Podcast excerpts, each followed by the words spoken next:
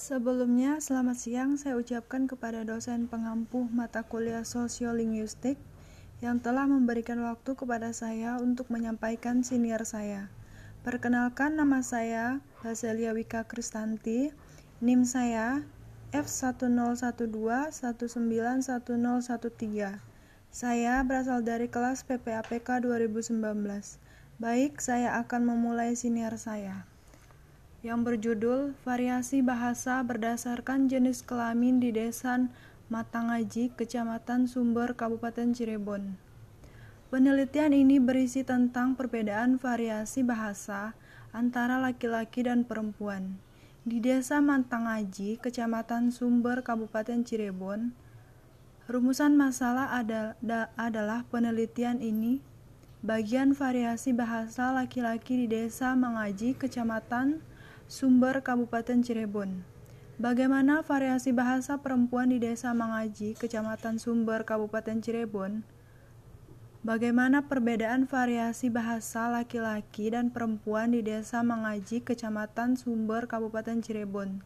Tujuan dari penelitian ini adalah ingin mengetahui variasi bahasa laki-laki di Desa Mangaji, Kecamatan Sumber, Kabupaten Cirebon ingin mengetahui variasi bahasa perempuan di Desa Mangaji, Kecamatan Sumber, Kabupaten Cirebon. Metode penelitian yang digunakan dalam penelitian ini adalah descriptive analysis dengan menggunakan pendekatan studi khusus. Dalam penelitian ini, data yang dikumpulkan dengan menggunakan dengan menggunakan teknik-teknik wawancara, observasi, dan dokumentasi. Simpulan dalam penelitian ini adalah dari segi variasi bahasa dapat disimpulkan bahwa ternyata responden laki-laki masyarakat di desa Mangaji dalam kehidupan sehari-hari menggunakan ragam, tidak baku dengan ciri khas dialek kedaerahan Sunda. Hal ini dikarenakan bahasa yang digunakan sehari-hari adalah bahasa Sunda. Dalam kesopanan dan kehalusan bahasa yang dipergunakan sehari-hari adalah bahasa Sunda, Desa Mengaji merupakan masyarakat perbatasan yang bahasanya dipengaruhi oleh bahasa Jawa.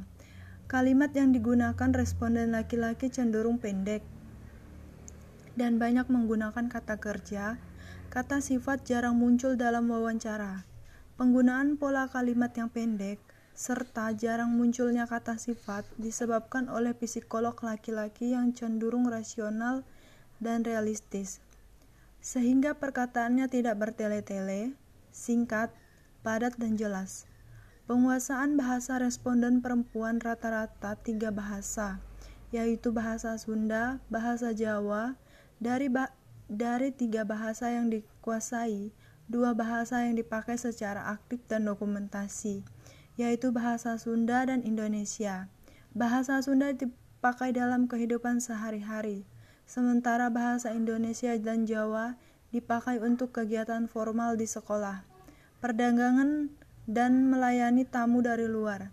Dari segi variasi, bahasa dapat disimpulkan bahwa ternyata responden perempuan masyarakat desa Mangaji dalam kehidupan sehari-hari menggunakan ragam yang tidak baku, dengan ciri khas dialek kedaerahan Sunda.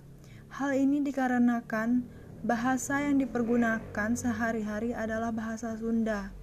Dalam hal kesepon, kesopanan dan kehalusan, bahasa yang dipergunakan relatif sopan dan halus. Kalimat yang digunakan responden panjang dan bertele-tele.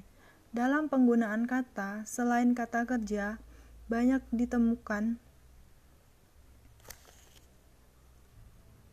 kata sifat, kehalusan bahasa, penggunaan pola, kalimat yang panjang, serta muncul kata sifat disebabkan oleh psikolog perempuan yang, ter, yang cenderung perasa dan emosional, sehingga mempengaruhi tuturan perbedaan antara variasi bahasa laki-laki dan perempuan terletak pada kehalusan bahasa, panjang pendeknya kalimat, serta jenis kata yang dipergunakan.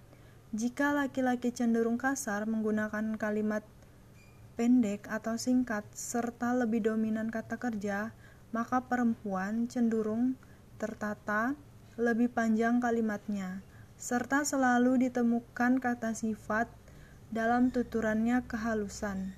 Panjang pendeknya kalimat serta jenis kata yang digunakan dipengaruhi oleh perbedaan psikolog antara laki-laki dan perempuan. Laki-laki lebih cenderung rasional, sementara perempuan cenderung lebih emosional.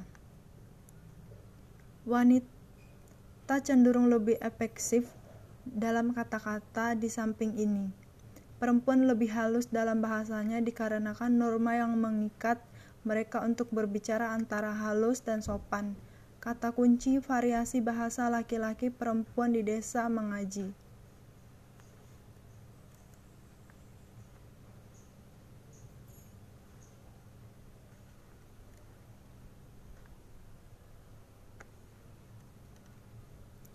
Bahasa adalah salah satu ciri khas manusiawi yang membedakan dari makhluk-makhluk yang lain.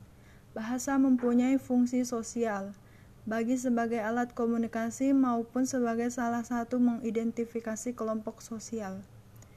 Pandangan Descartes 2010 menyebut bahwa bahasa adalah salah satu lembaga kemasyarakatan yang sama dengan lembaga kemasyarakatan lain seperti perkawinan, pewarisan harta, peninggalan, dan sebagainya, telah memberi isyarat akan pentingnya perhatian terhadap dimensi sosial bahasa. Namun, kesadaran tentang hubungan yang erat antara bahasa dan masyarakat baru muncul pada pertengahan abad ini. Para ahli bahasa mulai sadar bahwa pengkajian bahasa tanpa mengikatkan dengan masyarakat akan mengesampaikan beberapa aspek penting dan menarik bahkan mungkin menyempitkan pandangan terhadap disiplin bahasa sendiri. Sosiolinguistik merupakan ilmu yang mempelajari bahasa dengan dimensi kemasyarakatan.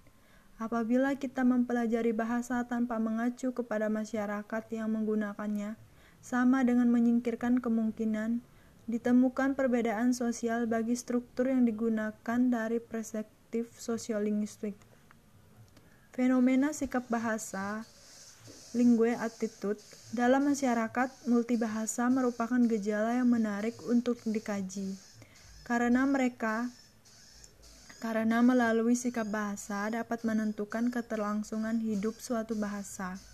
Fenomena siswa linguistik yang beragam ini ternyata melahirkan ragam bahasa karena bahasa disebabkan oleh adanya kegiatan interaksi sosial yang dilakukan oleh masyarakat atau kelompok yang sangat beragam dan dikarenakan oleh penuturnya yang tidak homogen atau tidak sama. Ragam bahasa sebagai akibat adanya keragaman sosial penutur bahasa itu dan keragaman fungsi bahasa itu. Jadi, variasi bahasa itu terjadi akibat adanya keragaman sosial dan keragaman fungsi bahasa. Variasi bahasa untuk memenuhi fungsinya sebagai alat interaksi dalam kajian masyarakat yang beraneka ragam dalam pemakaian bahasa di lingkungan masyarakat. Selalu didapat pemakaian bahasa berdasarkan kok kelas sosial. Di Indonesia sering disebut adalah kasta ragam bahasa oleh masyarakat bahasa itu sendiri. Sebagai halnya pada masyarakat Jawa, dikenal dengan variasi yang digunakannya yaitu kromol ingil, kromol dan ngoko. Di daerah tataran Sunda dikenal sebagai undak usuk basa.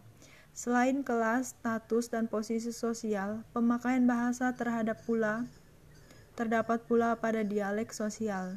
Dialek sosial mengidentifikasikan adanya pemakaian ragam bahasa berdasarkan kelas sosialnya.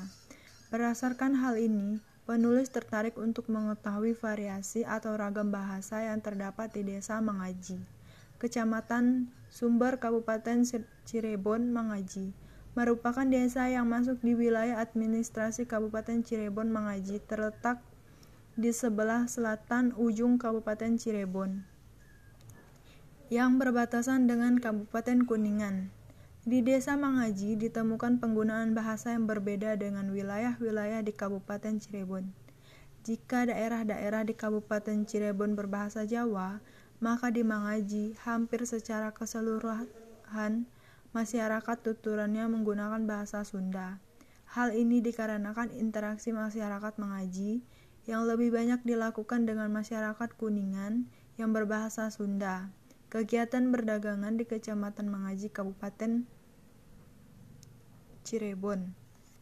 Sekian sekian hasil dari siniar saya. Saya ucapkan terima kasih jika ada kesalahan tutur kata tolong dimaafkan.